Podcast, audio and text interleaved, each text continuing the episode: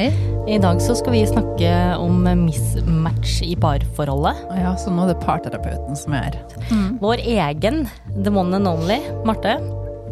Eh, Du er jo sexolog og parterapeut, og vi har fått noen sånne eh, følgere ut fra det store internett om at eh, man har litt mismatch i parforholdet av og til. Og i dag så skal vi ikke snakke om at man liksom er på forskjellig planet som eh, mann og kvinne. Det er man jo sikkert også, Ja. men, eh, men det handler litt om at eh, interessen for sex kan være varierende. Ja. Og det er jo mange grunner til det. Hva kan være årsaken til- det, Marte? Livet generelt, som er hektisk. Så kan det være jobben, småbarnsliv, Mm. kommunikasjon. Mm. Ja, Mm. litt forskjellig. Ja. Forskjellige in seksuelle interesser. Ja, ikke sant? Ja. For man har jo forskjellige interesser når det kommer til sex også. Ja. Og så er det jo gjerne litt sånn at man eh, Hvis man skal liksom ta dette her ut fra et eh, helt vanlig A4-liv, for det må vi jo være ærlige på her i Skyggelandet, at eh, vi snakker jo også om ting som ikke nødvendigvis er A4. Ja. Eh, Men hvis vi skal ta utgangspunkt i et vanlig A4-liv først, da, og et eh, par som består av, eh, av to mennesker som er sammen, avhengig om det er han og hun, eller hun og hun, eller han og han, eller hen og hen, eh, så er det ofte sånn at i perioder av livet så, så varierer sexlisten. Mm. Og det første som gjerne kan skje, er at man får noen sånne mm, små replikaer av seg selv. Mm. Og så er det en periode som er litt utfordrende. Ja. Har du, får du mye kunder eller mye klienter som, hvor dette her er et problem?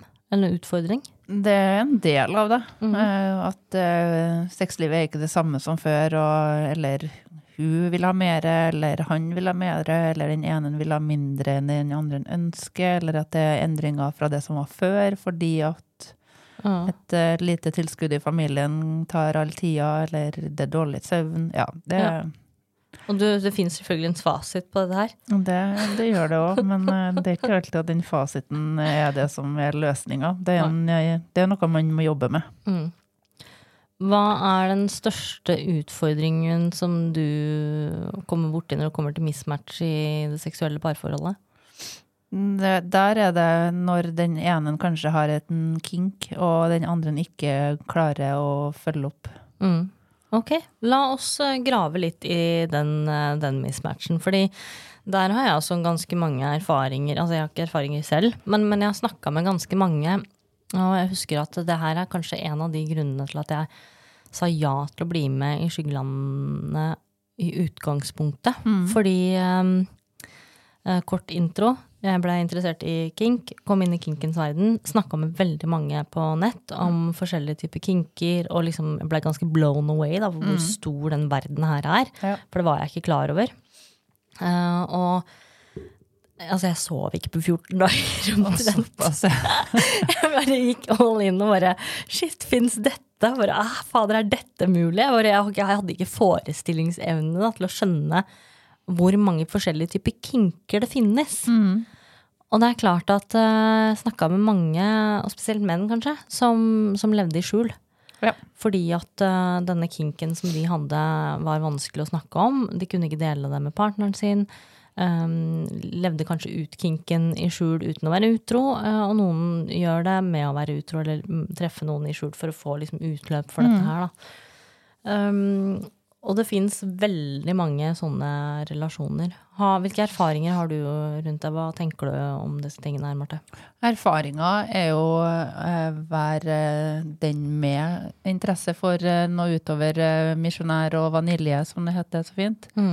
Eh, og ha en som er veldig vanilje. Eh, og så er det jo det at det blir, eh, for andre som jeg snakka med, en krasj der den som er vanilje, skal prøve å tilfredsstille den som har behov, og så blir det bare rot og kaos. Og så merker man at eh, eh, det blir så falskt, da. Eller Ja. så tilgjort. Ja.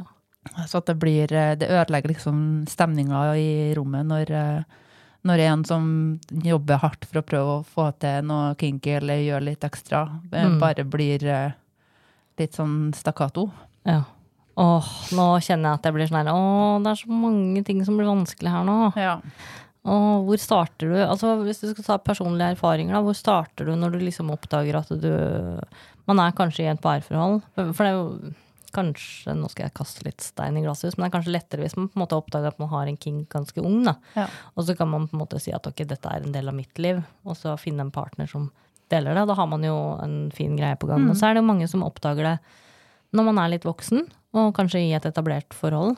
Hvordan, hvordan gikk du fram når du kjente at ok, dette her vil jeg gjerne ha en del av Jeg vil ha noe mer kinky inn i seksuelle relasjoner her. Det å foreslå det, eh, nå er ikke kommunikasjonen på topp. Eh, Nei. Det bør jo egentlig være en, eh, en, en startplass. Å ha Mm. en kommunikasjon som fungerer, der det er åpenhet for å snakke om diverse ting. Hva hvis det ikke er det? Da må man jo egentlig bare gjøre som du sier, kaste stein i glasshuset og hoppe uti med full iver og se hvor man ender hen. Mm. Det, også, Eller leve i skjul? ja, Mm. gå på kompromiss for et eller annet. Mm. Uh, utgangspunktet når man starter i, et nytt relasjon, nei, i en ny relasjon, er jo da at man er åpen om hva, hva man har for behov da, Mm. og ta det derifra. Det er vanskelig, da. Ja. Jeg husker jo sjøl når jeg liksom uh, Nå hørtes det ut som jeg var sånn i gamle dager, jeg var, men det er, jo ikke, det er jo ikke mer enn to år siden uh, hvor jeg oppdaga liksom mine, mine kinker Altså, jeg har jo visst men, men at jeg hadde lyst til å liksom leve det. Men, men t- selv da, i en alder av 37 år og ganske voksen, så syns jeg det var vanskelig å sette ord på det. ja, det er jo det. Hvordan skal vi liksom bli flinkere til Hvordan kan man liksom hjelpes til eller øve på det, da? Man er jo redd for å tråkke den andre på tæ- tærne. Eh, Så litt sånn som du gjorde her eksempelvis her i stad. Sånn, det her betyr sånn for meg, det her gjør sånn for meg, og ikke si noe på en angripende måte til den andre. Så du legger det frem på hvordan det vil være positivt, eventuelt negativt for deg, eh, og hva det representerer. Um, og så må man eh, ta en rolig prat. Ja. For man må enkelt og greit bare prate om det. Alternativt er jo da å ta kontakt med en parterapeut som kan hjelpe dere og veilede og styre dere gjennom en samtale. Da, og være den nøytrale, nøytale, nøytrale tredjepart som sitter imellom og styrer samtalen. Sånn at begge to får sagt like mye i løpet av samtalen, og så styre dem inn på rette veien igjen hvis det blir noen avsporinger eller eh, temperamentet begynner å løfte seg litt. Ja, for det kan jo fort være ganske personlig eller Føles ganske personlig, da. Um, jeg tenker eh, Hvis at jeg hadde, partneren min hadde sagt at eh, hør her, jeg ønsker dette her, og jeg bare kjenner at dette har jeg ikke med på, så ville jeg jo også kanskje fort bli litt personlig, føle meg litt personlig angrepet. For at jeg føler jo at eh, kanskje jeg ikke klarer å tilfredsstille min partner. Så hvordan løser man det, da? Ja. Man er liksom Ja, men hva slags um, Hvis jeg skal ta det fra et parterapeutisk ståte, da. Hvis du har to parter hvor den ene har lyst til eller har noen kinker som de har lyst til å leve ut, og den andre bare finner dette her bare helt uaktuelt, hvordan hvordan, hva, hva da? Man må veilede samtalen. Mm. Og så må man få frem eh, positive og negative sider for begge partene. Mm. Eh, Og finne ut om eh, det er noe som kan integreres i samlivet. Mm. Og hvordan det kan gjøres på best mulig måte for begge to. Mm. Og så er det jo ikke nok med én samtale, det må bearbeides og jobbes med. Mm. Og, og finne løsninger som, som passer for dem. Alternativt om det har gått så langt at det må jobbes for at det kanskje går, avsluttes. Og så at de går ut som venner istedenfor bitre fiender. Mm.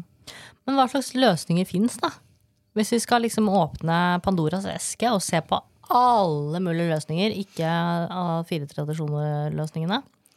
Få hjelp, eh, eller i, i start av et forhold være åpen Mm. om at eh, det her er såpass viktig at hvis ikke du har noe interesse av å være med på å dele det, så stopper vi her. Mm.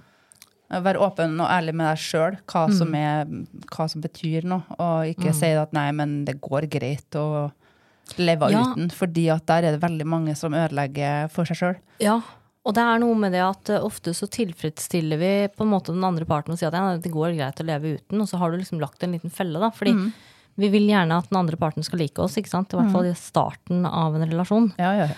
Eh, Så er vi jo for det første litt redd for å bli sett på som rare.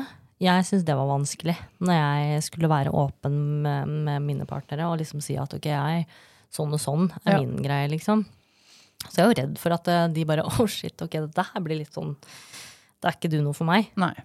Hvilket jo egentlig er helt ok.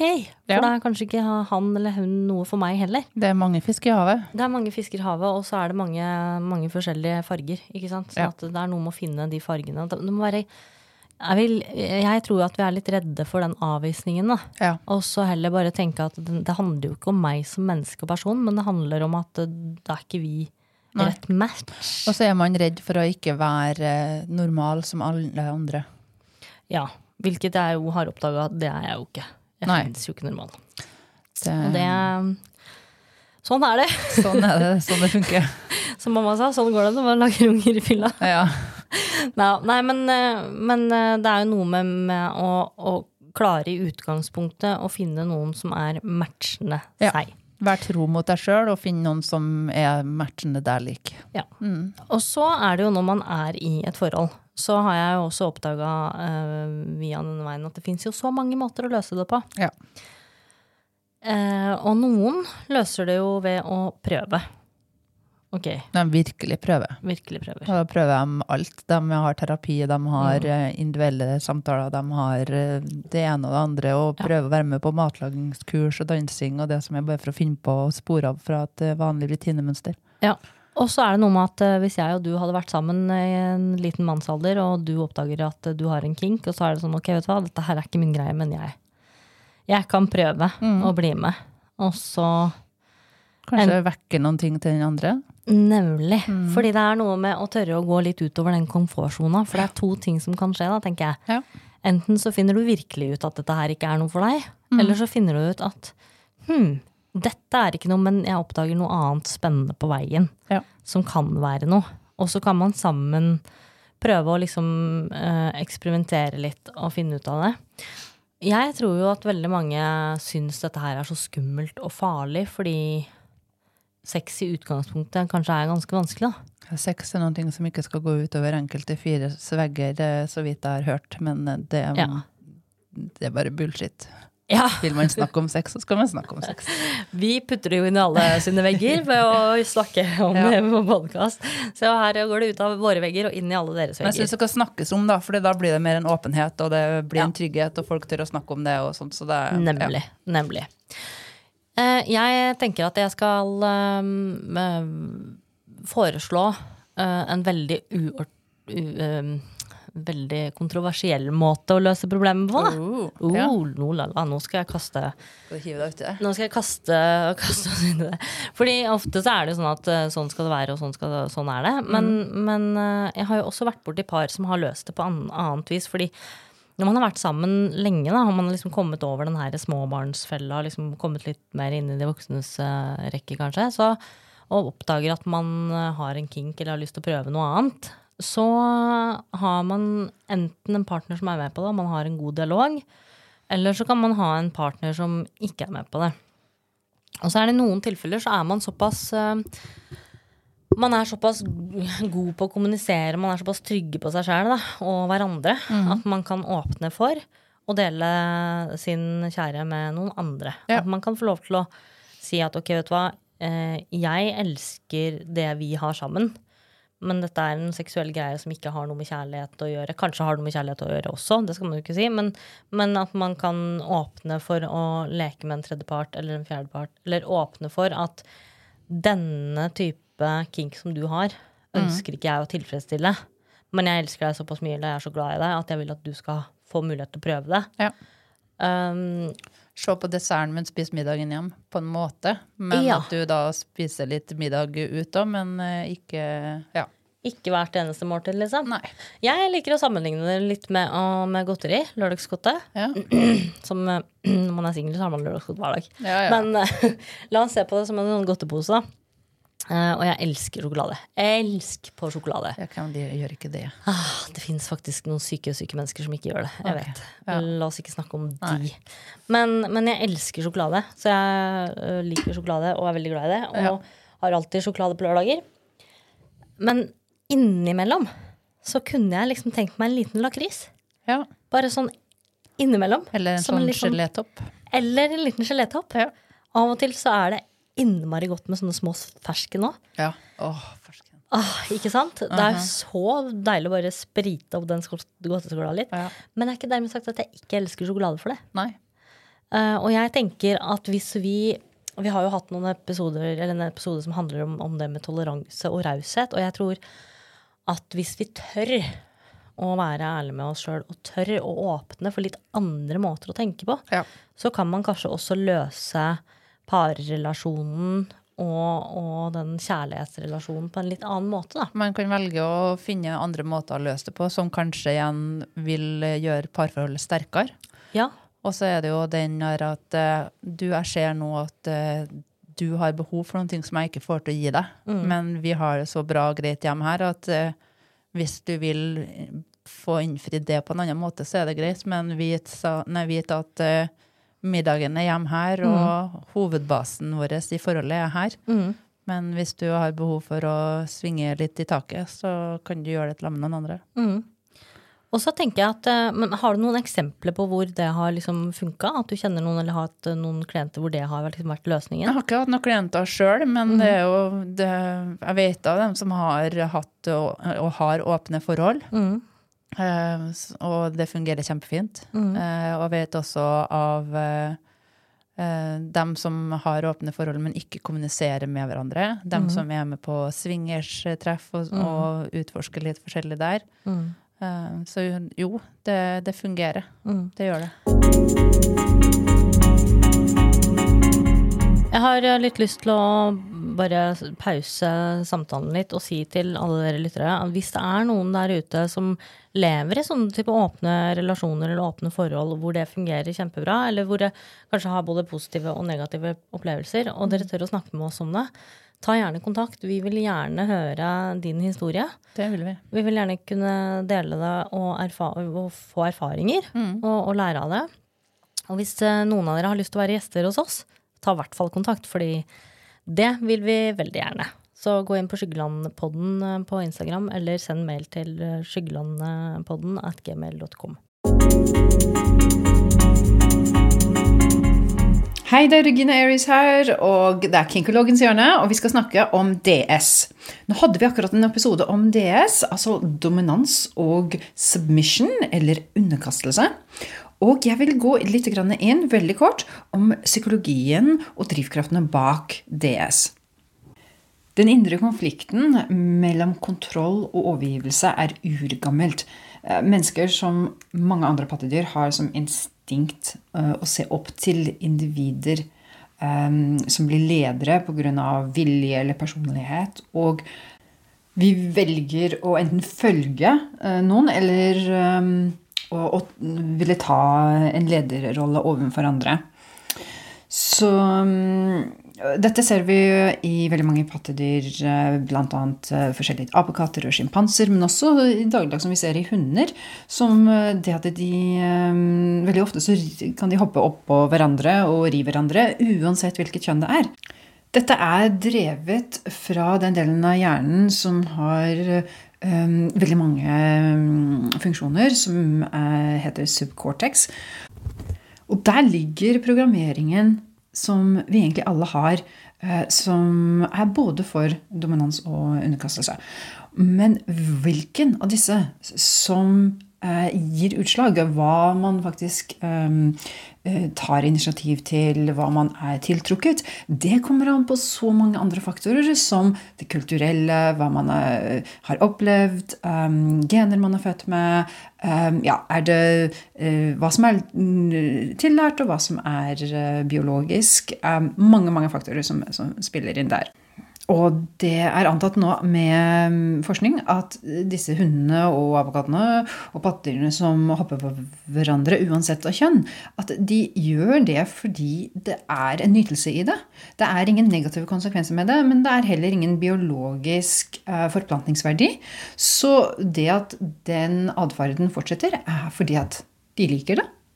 Og det er en ren nytelse um, å dominere den andre og å la den, noen andre dominere seg, til og med om det ikke er en seksuell paring der.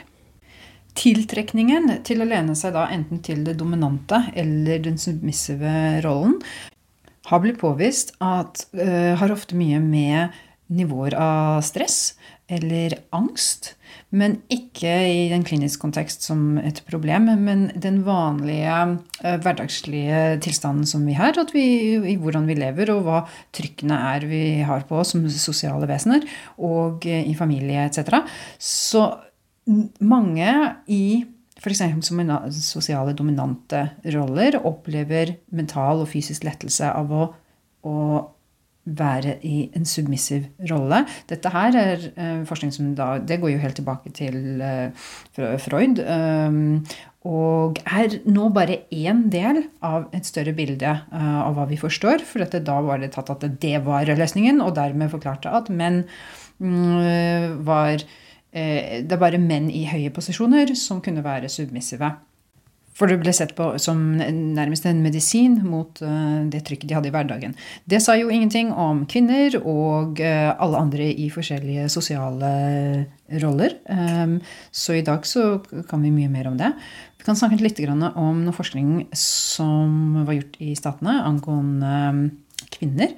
Som de fant at de opplever eh, en relativ makt ved å vite at de er elsket eh, og forgudet på en erotisk måte. Eh, det å være fokuset for en annens sterkeste lyst, da mannens sterkeste lyst, eh, var en opplevelse av kjærlighet og tilhørelse. Og dette vil jo være sant uansett om man er mann, kvinne eller hvilket kjønn man identifiserer med. Så dekker det å ta en rolle som en submissive, eller den dominante også, eh, visse essensielle kjerneverdier som eh, fra psykologiske prinsipper som sikkerhet, usikkerhet, at vi trenger kjærlighet og kontakt, at eh, vi trenger å ha betydning, at det er vekst, selvutvikling. Og at vi bidrar. At eh, vi kommer med et bidrag til eh, hverandre, til samfunnet. Disse elementene er eh, essensielle for at vi som mennesker skal trives. Og i en sunn DS-relasjon, som med flere andre forhold, så er potensialet der for å ha mange av disse kjerneverdiene. Og hvordan er maktfordelingen i ditt forhold? Er den sunn? Hvis noen som trenger litt hjelp i parforholdet, så ta kontakt med Skyggelandet da, så mm. kan de kontakte videre. Så har vi har eh, sexolog og parterapeut som kan løse Hvis dere har noen utfordringer og har kommet et sted i parforholdet hvor disse, disse tingene her kan være vanskelig, da. Mm. Men det er noe med å tørre å Det er klart at det, i tradisjonelle monogame forhold uh, så er jo dette her litt sånn stein i glasshus, fordi det ofte så møter vi på sjalusi ja. og, og, usikkerheter. Men det handler jo ofte Jeg har jo kjent på, på sjalusi, um, ikke i stor grad, men litt. Grann, men det handler jo ofte om at jeg føler meg utilstrekkelig. Da. Ja. Usikkerhet på seg sjøl i forhold til parforholdet og relasjonen. Ja. Og så oppdaga jeg at det, det, kom til et punkt da, hvor jeg bare tenkte at vet du hva, det er jo helt irrasjonelt å tenke at jeg skal klare at Jeg er bare ett menneske. At jeg skal liksom klare å fylle behovene til et helt annet menneske. Mm. Fordi eh, jeg har jo ingen som klarer å fylle alle mine behov. Nei. Ikke ett menneske, liksom. Så jeg, jeg trenger jo flere mennesker. Jeg trenger jo flere typer venner. Jeg trenger flere typer sant, stimuli, da. Uh, og det, det, gjelder jo seksuelt også. Mm. Det er ganske urettferdig med meg å tenke at uh, jeg skal liksom uh, forvente det av et annet menneske. Ja. Jeg kom dit. Da er ikke det et svar og fasit til alle. Nei, nei, nei. Det, men, man må kjenne, ja. man kjenner seg sjøl best. Ja, man gjør det. Nesten. I hvert fall sånn som vi snakka om i en, en annen episode, at man må lære seg sjøl å kjenne. Så det, ja. Ja. ja, man må det. Men så må man kanskje også, da er vi inne på det med å tørre å være ærlig med seg sjøl. Ja. Fordi um, man er i forskjellige perioder av livet, og det er ofte vanskelig å være, være ærlig med seg sjøl. Og i hvert fall når det kommer til sånne kinky, kinky greier. Mm. Fordi det ofte er litt sånn uh, ja, tabu. Ja. Litt skam. Helt klart. Litt sånn Jeg vil ikke innrømme at vi liker sånne ting. Nei. For da blir du sett på som litt rar. Ja. Hva er de vanligste kinkene som, som fins, veit du det?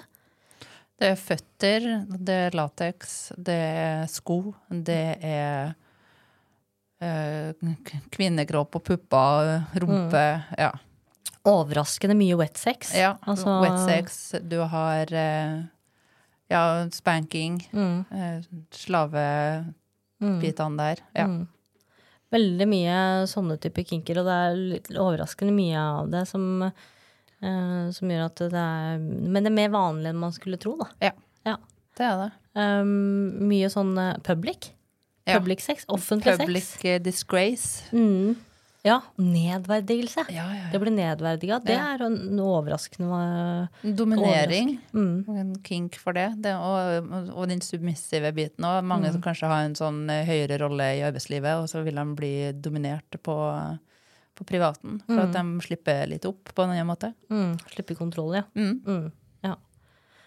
Um, når det kommer til dette her med livsfaser, da, Mm. så har lyst til å, å ta opp en annen litt, sånn, litt senere, når man har liksom kommet seg inn i um, parforholdet, man har uh, hatt barna, og det liksom, alle de utfordringene der snakkes det mye om, så jeg tenkte ikke vi skulle gå så veldig vanlig inn i det, men, men vi kan gå litt inn i det uh, før vi går videre. Og det er jo det her med, med hva, hva er det som er vanligst når du kommer til denne småbarnsfasen?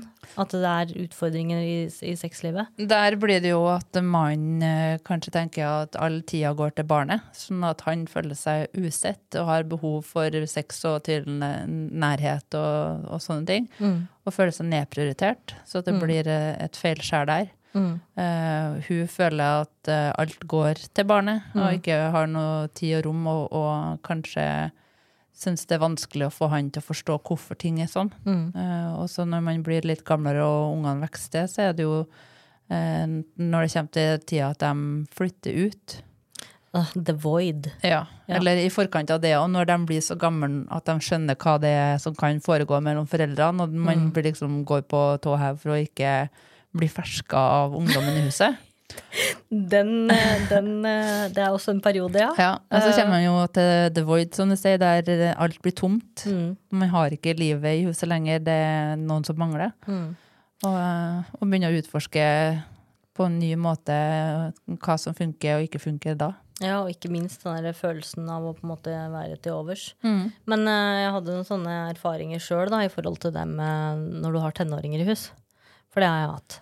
Eh, og jeg mista totalt sexlysten. Ja.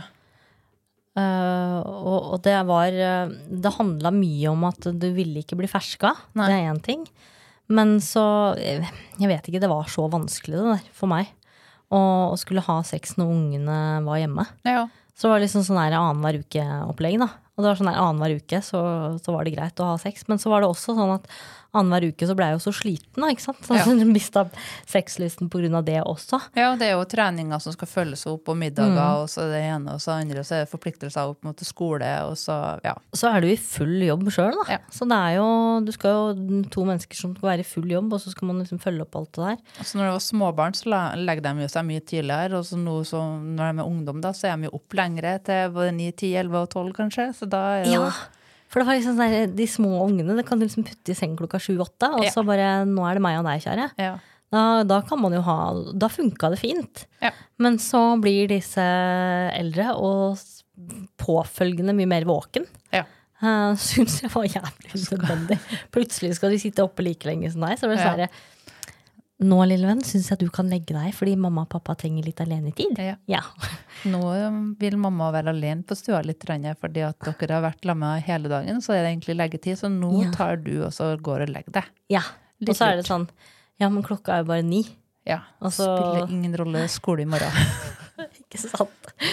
Men, men den der er litt vanskelig, da. Jeg, jeg, veit ikke om jeg klarer å sette ord på hvorfor jeg syns det ble så vanskelig. Men når, når, det var tenåringer i hus, og de var liksom 12, 13, 14, 15, 16 og så videre, så Nei, jeg fikk det ikke til. Jeg Nei. fikk ikke den tenninga. Jeg bare gikk og tenkte på liksom Nei, det var helt umulig for meg. Og så vet jeg jo ikke hvordan løser man det, da. Kan man liksom forberede seg på det? Hva er liksom gode teknikker for å løse det? For da er man på en virkelig mismatch. For det Farehuset hadde jo ikke den utfordringen i det hele tatt. Nei, det, det er jo det det må snakkes om og planlegges.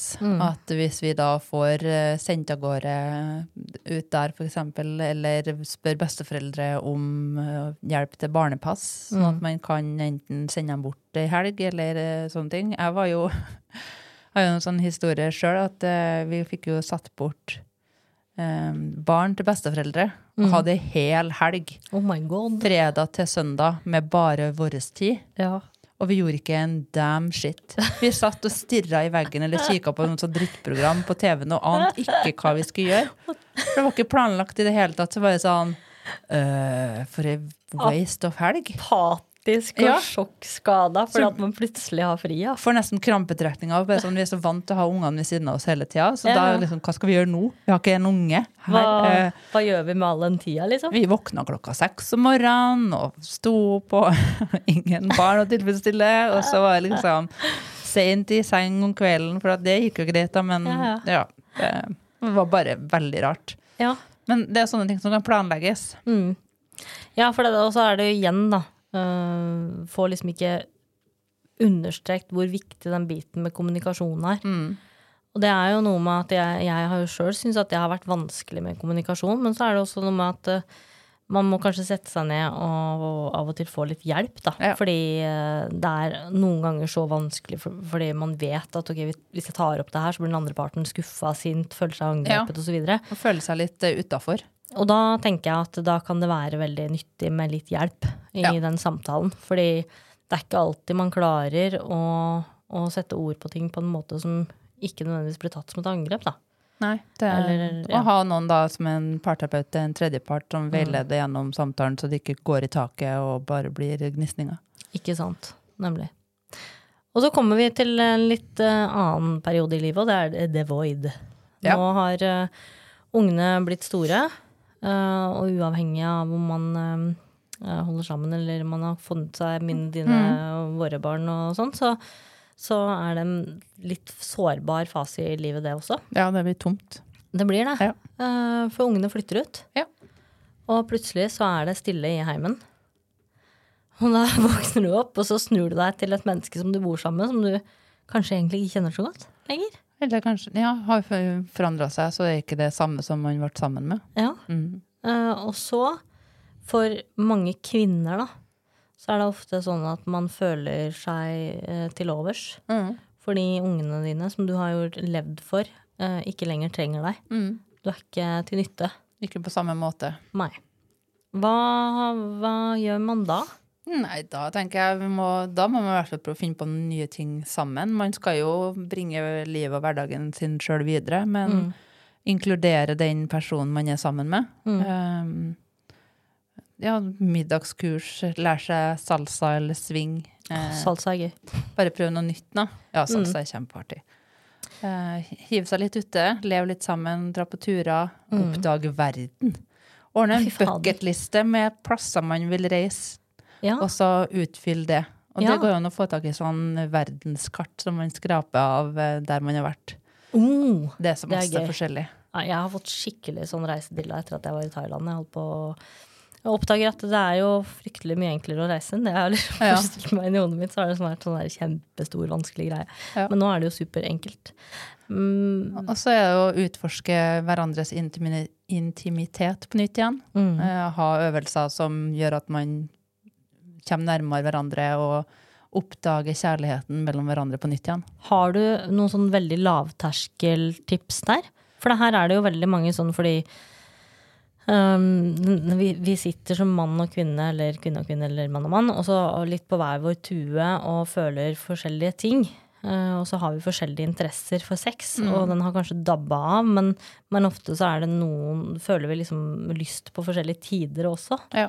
Eh, Sånn at når hun har lyst, så har ikke han lyst, for han er sliten og har tenkt på sitt. Og så har plutselig han lyst, men da har ikke hun lyst, for hun er deprimert for at ungen har flytta ut, og så føler meg ikke noe verdt lenger, eller hva det nå er, da. Hvordan starter vi med sånne lavterskeløvelser? Det er jo kanskje å planlegge og se hvordan hverdagene matcher hverandre. Og så hatt en liten date night eh, hjemme. Eh, og sette seg ved siden av hverandre og ha noen sånne intimitetsøvelser der man eh, ikke gjør noe seksuelt, men bare utforsker hverandre til å stryke på, se på hverandre, bare være i hverandres nærvær. Og så variere litt på det i noen dager før man går eh, neste steg. Eh, så det er mye fine øvelser som kan gjøre at man jobber for å komme tettere. Bli litt sånn forelska på nytt. Se den partneren sin med litt nye øyne. Være litt nysgjerrig, kanskje. Ja. Ofte så går vi jo litt i den der samme fella at ja, herregud, jeg kjenner jo dette mennesket. Jeg har jo bodd Ja. sammen med det mennesket her i 30 år. eh, Eller 20 år. Eller sett alle sider. Liksom, hva nytte er det å oppdage? Nei, ikke sant? Det er det man tenker, men du kan ikke tro at den personen du møtte for 30 år siden, er den samme personen i dag. Nei, For at sant? man tar til seg læring, og så forandrer man seg, og, og kanskje tenker på en helt annen måte ut ifra den kunnskapen og det man har tillært seg opp gjennom de årene. Mm. Um, sånn at man kan liksom finne ut av nye ting. Og har, man har sånne lave, lavterskeløvelser som man kan gjøre. Men hva annet kan man f.eks. gjøre, da? For eksempel, um, nå tenker jeg litt sånn uh, når det kommer til seksualiteten, å oppdage den litt på nytt. Når man hadde gjort disse øvelsene, hva er neste steg? Da er det jo å utfordre hverandre litt mer intimt, da. Mm. Lær, eh, lær den andre personen å kjenne på en ny måte. Mm. Fortelle Fortell hva sånn her funker det for meg, og Mm. bli kjent sånn. Hva er en god inngang? For mange syns jo dette her er vanskelig å ta opp. da.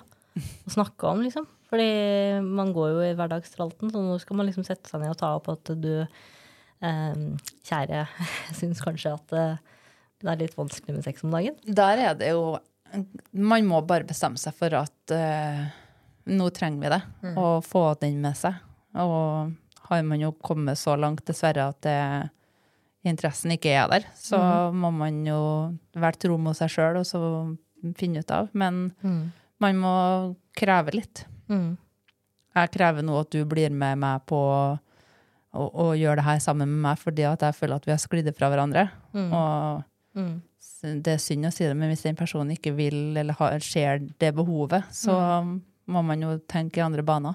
Så er det lov å si at man savner hverandre. Ja. Selv om man eh, bor sammen og ser hverandre hver dag, så er det Ja. ikke dermed sagt at man, eh, man ikke savner hverandre. Eh, For det Man kan savne det man hadde. Savne, ja, ikke sant? savne den nærheten og de samtalene og den gode Ja. intimiteten da, som kanskje forsvinner litt i hverdagen. Ja.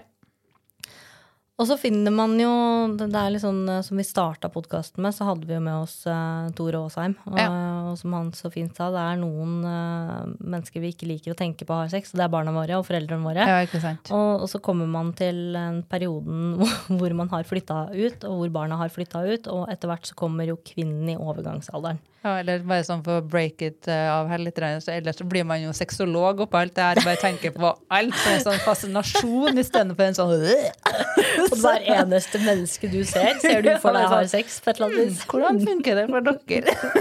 Du får en sånn rar nysgjerrighet på det. Altså, så det er sånn, ja. Men Det eh, blir back, litt miljøskade. back til samtalen. Ja, nei, for nå er vi liksom eh, Nå er vi over i, i en annen generasjon. Og dette her snakker vi veldig lite om. Eh, mennesker, når vi kommer i overgangsalderen, når vi liksom er voksne, Ja. um, så er det jo sånn at eh, Eller vi, for vi, vi damer, vi kommer i overgangsalderen. Og det gjør jo ikke menn. Jo. Ja, fortell. Kom igjen. Give us some knowledge. Ja, nå måtte jeg bryte inn her, altså, fordi at det, det er overgangsalder til mannfolka nå, men vi snakker ikke så veldig mye om det. Jaha. Fordi at de vil jo ikke snakke om eh, når testosteronnivået begynner å synke, og ting blir litt tyngre, og, Mm. og ting ikke fungerer som vanlig. Man blir litt mer trøtt. At man eh, føler en svakhet i kroppen, man blir litt tynga for litt depresjonsproblematikk, kan være. Ja. Og, og seksuell problematikk, sånn reisningsproblematikk og sånne ting. Jaha. Så det er ikke bare damer som går gjennom dere eh, overgangsalderen. Vi får jo med at eggløsninga uteblir og hormonproduksjonen endrer- endrer seg. Mm. Men mannfolkene har det, dem òg. Det starter som oftest i, i, i omtrent i 30-årsalderen. Oh. Så begynner ting å gå nedover. ja. Så det jeg tenkte jeg skulle si i stad, før du kom med det at mannfolkene, det er jo det at eh, det kommer til et visst punkt eh, at vi krysser hverandre. Mm. Sånn at mannfolkene dabber nedover, mens vi damene da kan bli litt mer sånn Oppover. Altså, vi har en sånn seksuell peak da, som krysser hverandre. Ja. Cougars Ja. og Ja. Ja. Ja. for det er jo et eh, jeg skulle si gåseøyne quotation her. eh, kjent faktum at damer har sin, nei, menn har sin seksuelle peak i 20-årene, seint 20-årene. Og damer har sin seksuelle peak i 40-årene. ja. Sånn at da krysser man jo Det blir et sånn Ja. krysningspunkt der. Ja. Så vi har jo damer som eh, koser seg langt opp i alders- og årene. Vi eldes jo som en god årgang vin, som de sier. Så det ligger noe i det, altså. ja. Det er ikke bare tull. Hæ? Det er ikke bare tull. Nei. bare det vil jeg ikke si. jeg blir 40 år. Men det, som jeg sa til sides til begge kjønn, så finnes det hjelpemidler. Ja. Og tips og råd til hvordan man skal fighte den eh, og, og få litt eh, lengre glede. Men man kan ha masse glede Mm. sjøl om man er i overgangsalderen. Og ja. For eksempel hva da? For er, jeg, tror, jeg, hører, altså, jeg tror nok at det er veldig mange som tenker Jeg har jo snakka med flere også som, som syns det er vanskelig med det her med at eh, de er i overgangsalderen, og mannen har liksom fortsatt lyst, eller uh, omvendt også, da. Det som er til mannen, er at der er det veldig mye av kroppen som endrer seg. Eh, for endring av søvnmønster, man legger på seg på en annen måte, eh, mister hår og mindre energi. Så da må man jo jobbe opp imot det som kanskje kan vedlikeholde de nivåene igjen. Eh, og også det Snakk med en sexolog da, eller lege eller, eller parterapeut i relasjon til paret om hva som eh, skal til for at det her skal funke sånn. Hva kan vi gjøre? Eh, er det noe som vi bidrar med her? Eh, Også sexologmessig sett. Eh, sitt eget syn på kroppen. Man er ikke den staute store med muskler all over og sixpack og spredt rumpe og det som er. What? Har man ikke det hele livet? Nei, nei. Eh, så, så ja, det, det hjelper å få. Hva er forholdet til eh, dama som går inn i overgangsalderen? Der er det jo Sexologisk sett så kan man slite med å få kjedetørrhet. At man tørker litt opp. Men det finnes et hav av glidemiddel både med og uten smak og bedøvelse og det som er. Så det skal, eh, skal ikke være noe problem med smøringa. Nei. Også der også eh, endringer på kroppen. Man blir litt mer dvass og, og litt eh, utslitt. Men det er ikke noe hindring for å nyte. Det, det som du sa i stad, det er eh, barn og foreldre og, og sånt som man ikke tenker på å ha sex. Men det er ingen som tenker at man har sex etter fylte 45-50. Mm. Men folk på gamlehjemmet har seksuelt behov, dem òg. Man er et seksuelt vesen. Sjøl om man da er gammel og grå, så Mm. har man behov for å ha nytelse og, og bli dekt. Ja. Mm. Og, og det blir ikke på eldrehjem og omsorgsboliger, sånn, så blir ikke det møtt, det heller. Nei, nei, nei, det blir jo ikke det. Vi tenker jo ikke på at det er en greie. Jeg har aldri tenkt på at det er en greie i det hele tatt, faktisk. Nei. Før jeg starta og ble med i Skyggeland. For man tenker ikke at de etter 45-50 har sex. Nei, Man blir jo veldig sånne navlebeskuende, og det handler jo bare om meg. Ja. Men, men hvordan kan man liksom, hvis man er i et parforhold, da, øh, og man er i den øh, voksne sfæren og har kommet dit at man er overgangsalder og bare har ikke lyst Kroppen er fungerer man- ikke på samme måte. Nei, og så er man jo gjerne et par, da. Sånn at én har lyst, én har ikke lyst. Og det er jo ofte sånn i mange perioder i livet, og det her er kanskje generelt, da, fordi at ofte så er det jo den klassiske da, han vil, men hun vil ikke. Så hvordan liksom eh, Vi har jo Hvordan kan vi løse det? Og så er det jo også den motsatte. Hun vil, men han vil ikke.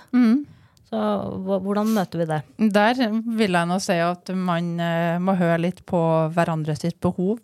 Mm.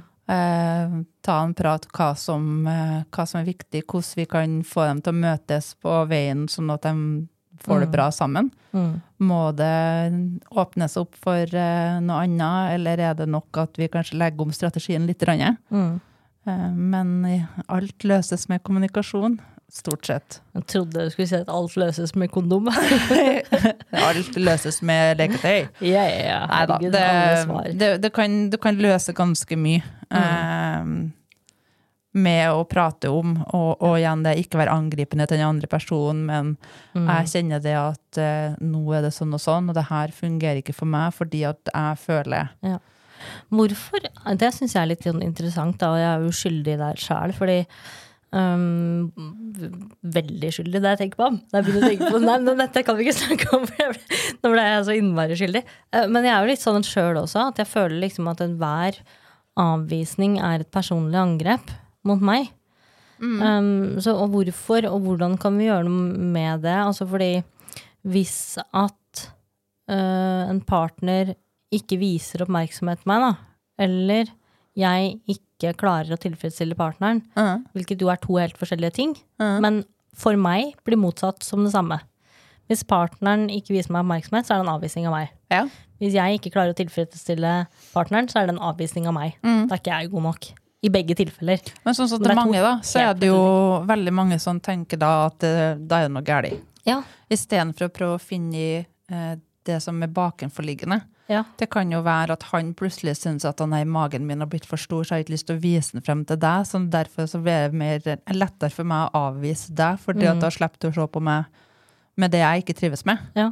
Så det, det er mye som ligger bak. Så hvis man da får pirka litt, alternativt da må ha en alenesamtale med den partneren, eh, fordi at det er lettere å sitte i rommet bare med terapeuten og snakke med klienten sin for å få svar, og så kan man da etter litt om og men kjøre det sammen, sånn at eh, terapeuten kan hjelpe til å formidle til den andre at du, nå er det sånn og sånn fordi at vi sliter sånn.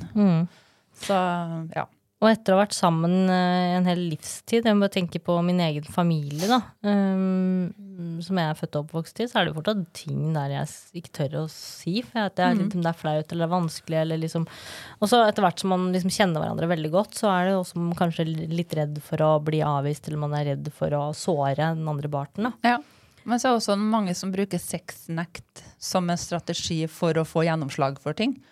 At jeg syns du er så teit at du gjør det her nå, så at det, nå skal faen ikke du få ha sex med meg, altså. Fordi at eh, hvis jeg nekter deg, så kanskje du skjønner, da. eh, På bokhylla her at det er akkurat den boka jeg vil ha. Hva, hva, hvordan, hva, hva tenker du om den strategien? Jeg har prøvd den, og det funker veldig dårlig. Det er sånn Hvorfor ikke da? Det er utrolig hva man lærer når man eh, jobber og skal utdanne seg som sexolog og, og parterapeut. For man jobber veldig mye med det psykologiske, og man jobber med seg sjøl. Så man blir sånn ah, OK, så det funka ikke å gjøre sånn. Ah, da skjønner vi det. Ja, så snakker vi jo forskjellige språk, da. Ja, vi gjør det. Vi har forskjellige kjærlighetsspråk. Ja, og så har det noe med at vi setter Kjærlighetsspråk. Kjærlighetsspråk. Ja. Vi, for vi setter jo gjerne ting i sammenheng. ikke sant? Fordi at du var en idiot og ikke tok oppvaska, så blir det ikke noe sex. Nei. Mens mannen tenker jo ikke på det i det hele tatt. De, de, altså, det er jo to helt forskjellige verdener. Ja. De henger jo ikke sammen i det hele tatt. Så det blir jo liksom som hvis du skal eh, Hvis du skal få gjennomslag for det, så må du liksom ha en, en sammenheng. ja. Men ja, kjærlighetsspråk. Fortell om det. Det er jo, man har forskjellige måter man mottar eh, kjærligheten på. Mm. Så at du kunne ha fått eh, hatt ditt kjærlighetsspråk var ord. Mm. Så at hvis jeg kommer og gitt deg en gave, fordi at mm, mitt kjærlighetsspråk er gaver, Mm. så blir jo det helt feil. For at du tar kjærligheten ut ifra hvis jeg sier 'Å, du er så fin i dag, og du er verdens beste', og sånne ting. Ja, da får jeg meg bra. Ja, sant? Og så så, kommer du og gir meg en gave.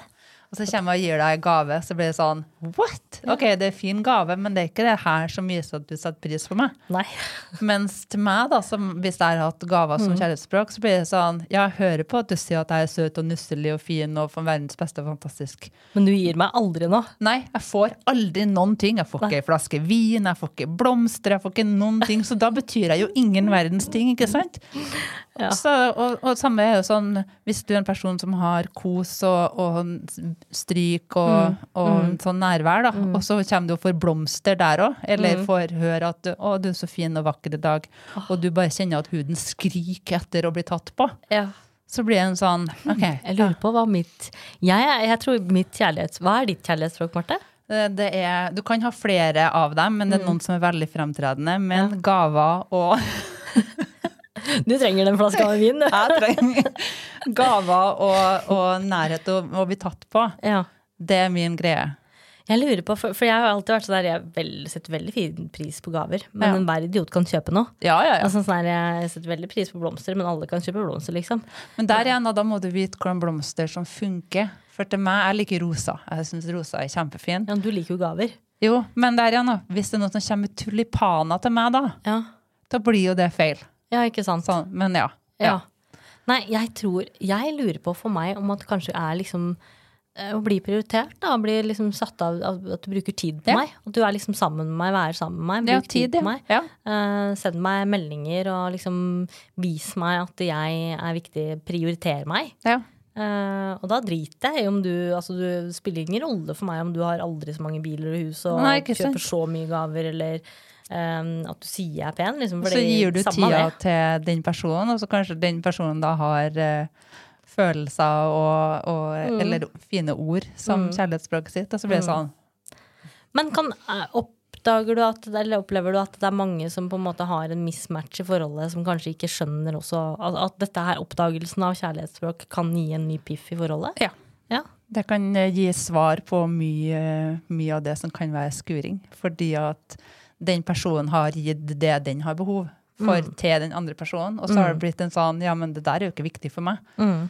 Men så tenker man at ah, kanskje Mm. Kanskje Katty har behov for andre ting. Sånn at eh, Mm. Ja. Eller eh, Arne har behov for det, så nå skulle jeg egentlig ha gjort sånn, men Ja, ikke sant? Ja. Ja. Um, hvis du har lyst til å vite mer om kjærlighetsspråk, så kan du google de fem kjærlighetsspråkene. Og der kommer det opp Mm. Masse. masse god informasjon om hva som eh, hva de forskjellige kjærlighetsspråkene er. Ja, og det finnes det tester og hva som er ditt kjærlighetsspråk, Mm. eller hva som er den, den som tynger høyest. Og så, ja. Mm. Um, videre så er det liksom sånn Jeg tenker også sånn når man kommer liksom uavhengig av hvilken alder man er i, da, hvilken periode i livet man er i, og om man er sammen eller uh, med noen, eller om man er singel, uh, så tenker jeg jo at uh, det er um, det å være eh, eller ikke, ikke singel, hvis man er sammen med noen i et parforhold, uavhengig av om man er liksom eh, hun, han, hen, eh, og hun og hun og han og han, Mm. Eh, så er det noe som er eh, gjenganger her, da, og det er kommunikasjon. Mm. Fordi eh, det er ofte litt vanskelig å finne piffen hvis man ikke klarer å, å kommunisere. ja. Så hvordan gjør du det hvis du oppdager uh, kinker, da? Som du har, og man er liksom på veldig forskjellig uh, sted Vi snakka jo litt om det i stad. Men Ja. hvis man er på veldig forskjellig sted for Jeg, har jo, jeg tenker litt tilbake til de samtalene som jeg har hatt med mennesker som lever i skjul for partneren sin, og ikke tør å snakke om disse tingene her. Mm. Jeg syns jo det er uh, innmari trist, for det første. Og, og, en av de tingene jeg tenkte, var jo det at dette her er jo fordi de, de tørte ikke fordi det er så innmari tabu å si at uh, liksom Litt tilbake til de kinkene som er vanlige, da. Ok, Si at du har vært sammen med kona di i mange mange år, og så, og så liker du egentlig å teste ut det å, å gå i dameklær. Mm. Og, og hvordan skal du begynne liksom å, å si dette her? Man må vel eh, man må gå fram på en litt rolig måte. Mm. Ikke stå og røre i kasserollen og si 'du, jeg lånte trusa di i går kveld', jeg. Eller eh, prøvde på BH-en din på badet i morges. Men eh, Og derfor strikken er litt rar. Syns jeg. Liksom mer plass her i dag. Men eh, sånn som jeg har, når jeg har tatt opp kleine ting, eller ting som er litt vanskelig, da, så Mm. starter jeg gjerne å linke det opp imot ting som vi kan relatere oss til. Mm. Og så, så blir det sånn, eh, men også tenker jeg, og så kjenner jeg på det at Mm. jeg skulle presentere at jeg likte jo begge kjønn. Ja. Og da er det sånn, ja, nei, du vet at vi har liksom sånn og sånn, men så eh, kjenner jeg at det er noen ting som mangler, og så har jeg funnet ut det og så kjent litt på at jeg liker begge deler. Mm. Jeg kunne ha fint ha hatt eh, både guttejenter, guttejenter, guttekjærester og jentekjærester. Mm. Fordi at det gir meg det, Mm. like stor glede. Men har du noe råd? For, for jeg tenker den, eh, den er eh, ofte lettere å komme med enn andre veien, da. Hvis du er mann og skal fortelle dama di ja. at Ja. du gjerne kunne tenkt deg Den- å hatt med en, en ekstra mann, liksom finne ut av seksualiteten med en annen mann. Mm. Den er mye verre, tror jeg, for en mann å komme med. Har du noen tips til For, for der handler det om mottakeren, tror jeg. Ja, tenker, Det å ikke jeg- angripe mottakeren, eller skal si noe som kan være et stikk eller et sår til mottakeren. Mm. Men hva, hvis jeg er mottaker, da, har du noe råd til meg? Hvordan skal jeg ta imot at kjæresten min kommer og forteller meg det, hvis jeg bare tenker at å, herregud. Som parterapeutperspektiv, da, så har jeg nok ville anbefalt den som skal formidle Mm. om å, å avtale en time med parterapeut. Mm. Og så fått snakka om det som er viktig for den personen. Mm. eh, Og fortalt litt sånn hvordan ting er, og hvordan eh, det føles og sånt. Og så uh, spurt da partner om hun kan være med fordi at det er ting som trenger å drøftes i relasjonen. Og så fått hjelp av parterapeuten. da. Mm. Eh, Alternativt at parterapeuten forteller det til den personen. Sånn at det på en måte ikke blir en person som skal formidle det, som forteller det direkte, men det kommer ved en annen. For det er veldig mange som tar det lettere hvis det er en tredjepart forteller. Ja. Så, um, og så kunne man da jobba ut ifra det videre. Mm. Eh, Eller hvis man har en sånn OK til grei kommunikasjon i parforholdet, så ta det litt rolig, få personen til å sette seg ned, en kopp kaffe eller kopp te, og så bare senke skuldrene litt, og så gå rolig frem. For det, man må jo, enten så kan man si det med en haug med metaforer, Mm. eller så kan man si det direkte, men ikke sånn angripende. Ja.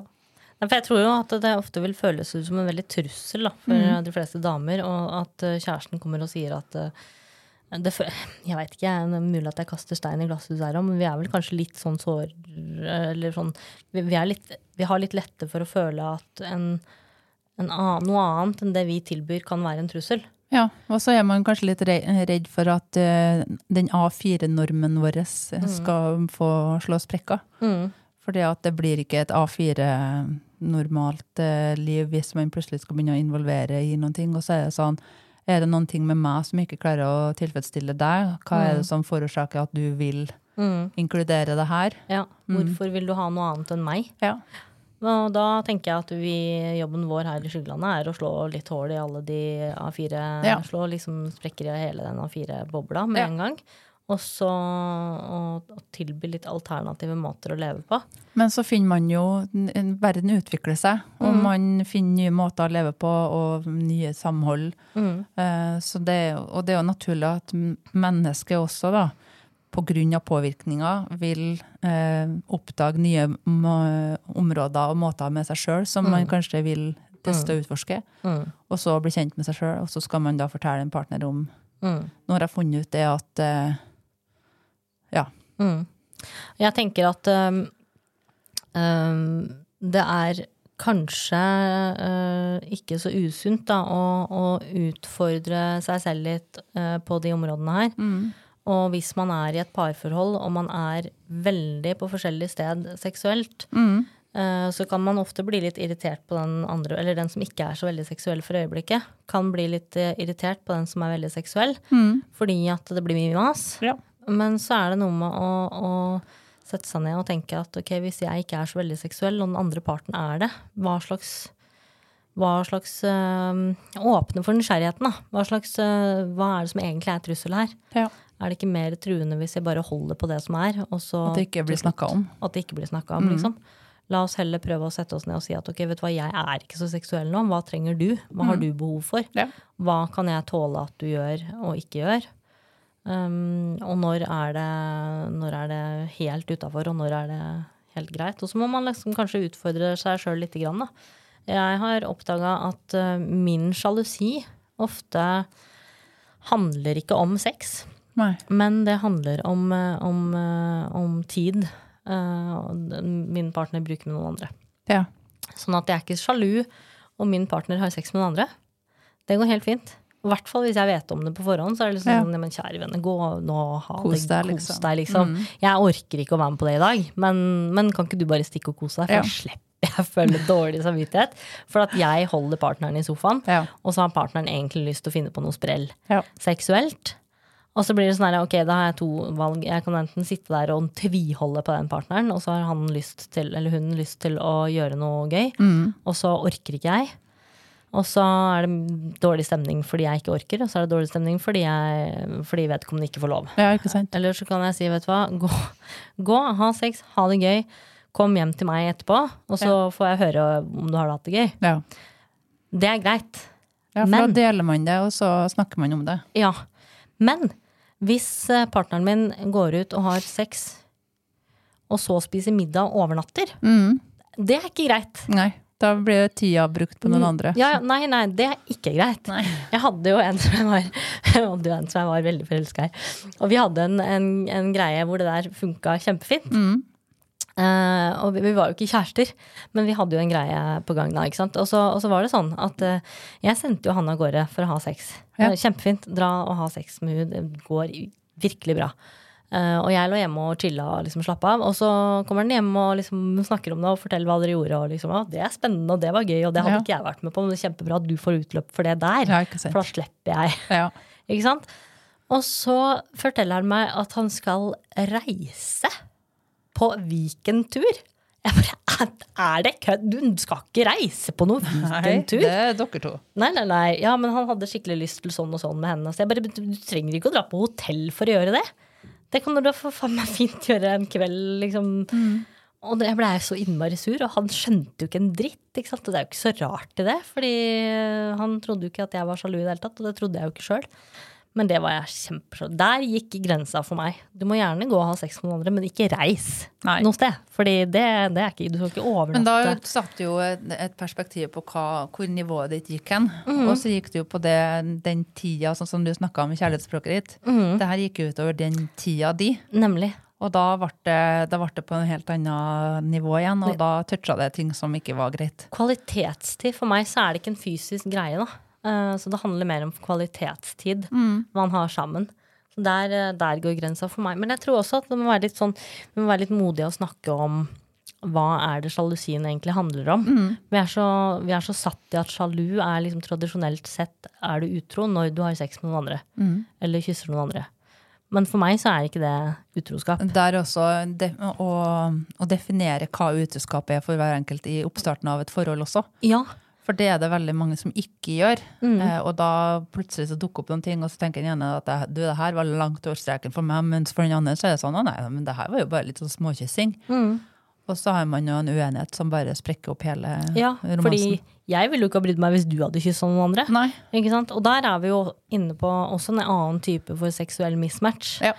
For der matcher man jo ikke på hva man syns er greit og ikke i forhold til eh, utroskap og sjalusi, da. Mm, tankene splitter opp, og da blir det en sånn skuring. Mm.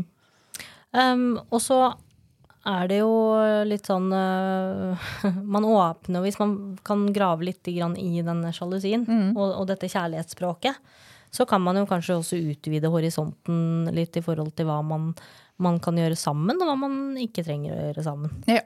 Hva man eh, kan ha i fellesskap og ikke trenger å ha i fellesskap. Mm. Ja, for det er jo faktisk sånn at de trenger jo ikke ha alt i fellesskap. Nei. Du er en egen individuell person oppi alt det her òg, så du må ta vare på den òg. Jeg pleier å si at hjernen er alene, Ja. og det er en god grunn til det. ja. Helt klart. Heldigvis. Yes.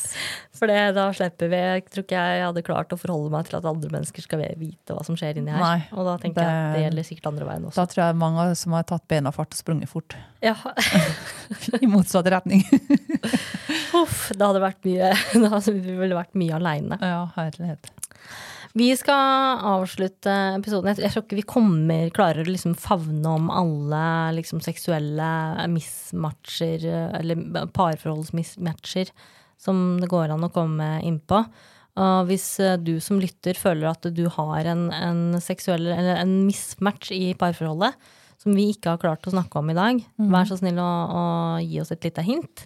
Du kan sende melding på eh, Instagrammen vår, som er eh, Skyggelandpodden. Eller så kan du ta kontakt på andre sosiale medier. Vi er på de fleste. Gå gjerne inn på skyggelandet.no og se på hjemmesiden vår. Hvis du har ønsker om temaer, eller at du kom på noe i løpet av episoden, så gi oss et eh, like eller en kommentar. Det setter vi veldig pris på. Hvis du ble kjempeprovosert av mine tanker om sjalusi, eller veldig provosert av eh, Marte sine mm, råd og tanker om dette her, så syns jeg du skal si det, det òg. Ja. Ja. La oss få høre det. La oss få høre det. Lag en diskusjon. Skap litt liv og skap litt stemning. Og Ja. kanskje Du kan oppfordre til å skape dårlig stemning, men jeg skal oppfordre til å skape litt debatt. Ja. Fordi uh, livet er ikke A4, det trenger ikke å være det. Nei, Og, Det er alltid rom for debatt. mismatch uh, kan vi løse på mange måter. Ja. Vi uh, snakkes uh, seinere, Marte. Yes. Kjempefint at du kan komme hit og være parterapeut i dag. Alltid. Yes.